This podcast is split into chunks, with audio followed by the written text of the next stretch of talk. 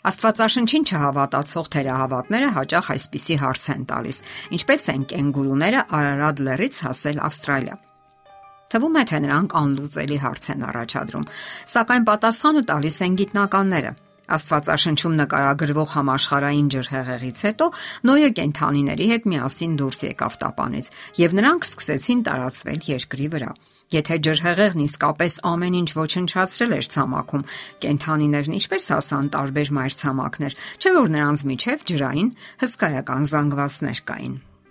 Նման հարցեր տալիս մարդիկ ենթադրում են, որ ջրհեղեղից հետո աշխարհը նույն տեսքն ուներ ինչ այժմ, եւ այդտեղ է նրանց սխալը։ Նրանք նայում են ժամանակակից աշխարհին եւ մտածում, որ այն միշտ այսպիսին է եղել, սակայն Աստվածաշնչում կարդում ենք, որ անցյալում այնպիսի ջրային աղետ է տեղի ունեցել, որ փոխել է մոլորակի տեսքը։ Օթագնացության եւ տիեզերական տարածության հետազոտությունների Միացյալ Նահանգների ազգային գործակալության տվյալներով Անցյալում ջրի մակարդակն օվկիանոսում կարող էր ներկա մակարդակից 120 մետր ցածր լինել։ Ցամաքային կամուրջները Բերինգի նեղուցի շրջանում միացնում էին Ալյասկան ու Ռուսաստանը։ Այդ կամրջով կարելի էր Ասիայից անցնել հյուսիսային եւ հարավային Ամերիկա։ Ժամանակակից օկեանայի տեղում ցամաք էր, որը միացնում էր Ասիան եւ Ավստրալիան, որով կենգուրուները եւ այլ կենդանիներ կարող էին հասնել Ավստրալիա։ Դրանից բացի սեյսմիկ ակտիվության աճը բեկվազքներում, ինչպիսին է օրինակ ժամանակակից օկեանյան, ջրհեղեղից անմիջապես հետո կարող էր ժամանակավորապես բարձրացնել ցամաքային հատվածները, որը հնարավորություն կտար կենթանիներին Ասիայից անցնել Ավստրալիա։ Դրանից հետո օվկիանոսների մակարդակը բարձրանում էր եւ որոշ կենթանիներ տարբեր մայրցամաքներում հայտնվում էին մեկուսացման մեջ, որտեղ էլ առանձին զարգանում էին։ Այսպիսով ջրհեղեղից հետո առաջին մի քանի 100 տարիների ընթացքում մարդիկ եւ կենդանիները կարող էին տարածվել երկրով մեկ։ Թե ինչ արագությամբ կարող են տարածվել կենդանիները, կարելի է տեսնել ավստրալիական ճագարների օրինակով։ Ճագարների առաջին գաղութը հայտնվել է հարավային Վիկտորիայի հյուսիս-արևմուտքում 1859 թվականին, երբ եվրոպացիները նրանց բերեցին Ավստրալիա մայրցամաք։ 50 տարվա ընթացքում գաղութն աճեց ընդդուք մինչև արևմտյան մերձափնյա տարածքները։ Լքելով տապանը արարված կենթանիների յուրաքանչյուր զույգ տարածվեց աշխարհով մեկ, հարմարվելով շրջակա միջավայրին։ Հարմարվողականությունը կամ ադապտացիան էվոլյուցիա չէ։ Աստված բազմազանություն է դրել կենթանիների գեներում։ Օրինակ, գայլերի առաջին զույգի մոտ դրվել է գենետիկական կոդ, որը ներառում է ժամանակակից շնային ընտանիքի ողջ տարատեսակները։ Այդ պատճառով էլ առավել տաք կլիմա ունեցող երկրներում գոյատևում էին կարճ բրդով եւ ենթամաշկային ճարպի բարակ շերտ ունեցող շները, ինչպես օրինակ դինգոն։ Իսկ ցուրտ կլիմա ունեցող երկրներում գոյատևում էին երկար բրդով եւ ենթամաշկային ճարպի հաստ շերտ ունեցող շները։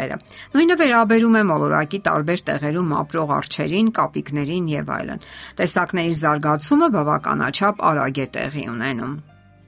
Իսկ ինչպես են այնուամենայնիվ կենգուրուները թրջկոտելով հասել Ավստրալիա։ Աստծո միջոցով տապան բերված կենգուրուների առաջին զույգը ջրհեղեղից հետո բազմացել է եւ հալածվելով գիշատիչների կողմից ավելի ու ավելի է հեռացել։ Քանի որ ջրի մակարդակը նախկինում ցածր էր, կենգուրուները կարող էին անցնել Ասիան Ավստրալիային միացնող պարանոցով։ Իսկ երբ ջրի մակարդակը բարձրացավ, կենգուրուները մեկուսացված մնացին Ավստրալիայում եւ սկսեցին զարգանալ մնացած տարբեր տեսակի կենթանիների հետ միասին։ Կենթանիների մի մասը չգոյատևեց եւ ոչնչացավ, իսկ մի մասն էլ հարմարվեց այդ կլիմային։ Մադրասի համալսարանի հնագետ Ջինու Կոշին Հնդկաստանում կենգուրուների ժայռապատկերներ է հայտնաբերել։ Սա հաստատում է Աստվածաշնչյան պատմությունը, քանի որ ջրհեղեղից հետո բնակություն հաստատելով մարդիկ տեսել են այս կենթանիներին եւ էսքիզներ արել պատերին։ Մինչև օրս էլ նման կարգավորման մի քանի տեսանելի օրինակներ կան։ 1995 թվականին ձկնորսները ականատես եղան իգուանաների, մողեսների բնակեցմանը արևմտյան Հնդկաստանի Անգիլիա կղզում։ Այս մասին գրված է համապատասխան ամսագրում։ Իգուանաները հայտնվել են Անգլիայի եւ Կարիբյան ավազանի արևելյան ափին։ Նախկինում այս տեսակները կղզում չկային։ Նրանք այնտեղ հասան գերանների, լաստանավերի եւ արմատախի լարված ծառերի վրա։ որոնցից մի քանիսը բավականին երկար էին եւ հսկայական արմատներ ունեին։ Ենթադրվում է, որ լեմուրները կարող էին նավարկել Մոզամբիկի ալիքով, բուսական լաստանավերով եւ հասնել Մադագասկար կղզի։ Այսպիսով նման մարմինները կամ այլ կերպ ասած լաստերը իրենց ներդրումն են ունեցել կենթանիներին ջրհեղեղից հետո աշխարհով մեկ տարածելու գործընթացում։ Մեկ այլ ճանապարհ, որով կենթանիները կարող են հասնել այլ մայրցամաք, լողացող կղզիներն են։ Պատահում է, որ ջրհեղեղի ժամանակ գետերի ափերից մեծ հողատարածքներ են դուրս գալիս, որոնց հոսանքը տանում է դեպի ծով։ Իսկ այսօր բաց օվկիանոսում երբեմն հանդիպում են փարթամ կանաչով եւ 7-ից 10 մետր բարձրությամբ արմավենիներ ունեցող կղզիներ։ Միանգամայն հնարավոր է, որ նման կղզիներով ցամաքային կենթանիները երկար ճանապարհներ են անցել։ Շատ արևադարձային օվկիանոսային հոսանքների արագությունը օրական առնվազն 80 կիլոմետր է կամ 3 շաբաթվա ընթացքում 1600 կիլոմետր։ Այս մեթոդը՝ ի տարբերություն լաստանավերի, կարող է պատասխանատու լինել ավելի մեծ կենթանիների տեղաշարժի համար։ Քարտեզագետ Վան Դյուզերն ասում է. Լողացող կղզիներ կան 6 մայրցամաքներից առնվազն 5-ում եւ երբեմն դրանք բաժանող օվկիանոսներում։ Դրանք կարող են ծառեր աճեցնել, որոնք կարող են լինել 100 մետր տրամագծով եւ իրենց վրա կրել արածող հարյուրավոր անասունների քաշ։ Ամփոփելով ասենք, որ կենթանիները կարող էին առանց հիմնախնդրի հասնել տարբեր մայրցամաքներ հետևյալ ուղիներով.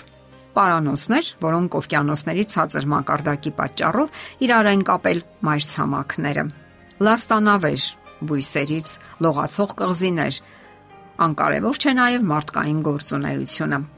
Բացի վերը նշված եղանակներից մարդն անկասկած նպաստել է միգրացիային։ Նավերի միջոցով տեղափոխվել են բազմաթիվ միջազներ, թռչուններ եւ մանր ողնաշարավորներ։ Նավերի միջոցով տեղափոխվել են բազմաթիվ միջատներ, թռչուններ եւ մանր ողնաշարավորներ։ Ոստի ջրհեղեղից հետո կենթանիների բաշխման հիմնախնդիրը հորինովի է եւ միանգամայն բացատրելի։ Եթերում ղողանջ հավերժության հաղորդաշարներ։ Հարցերի եւ առաջարկությունների համար զանգահարել 033 87 87 87 հեռախոսահամարով։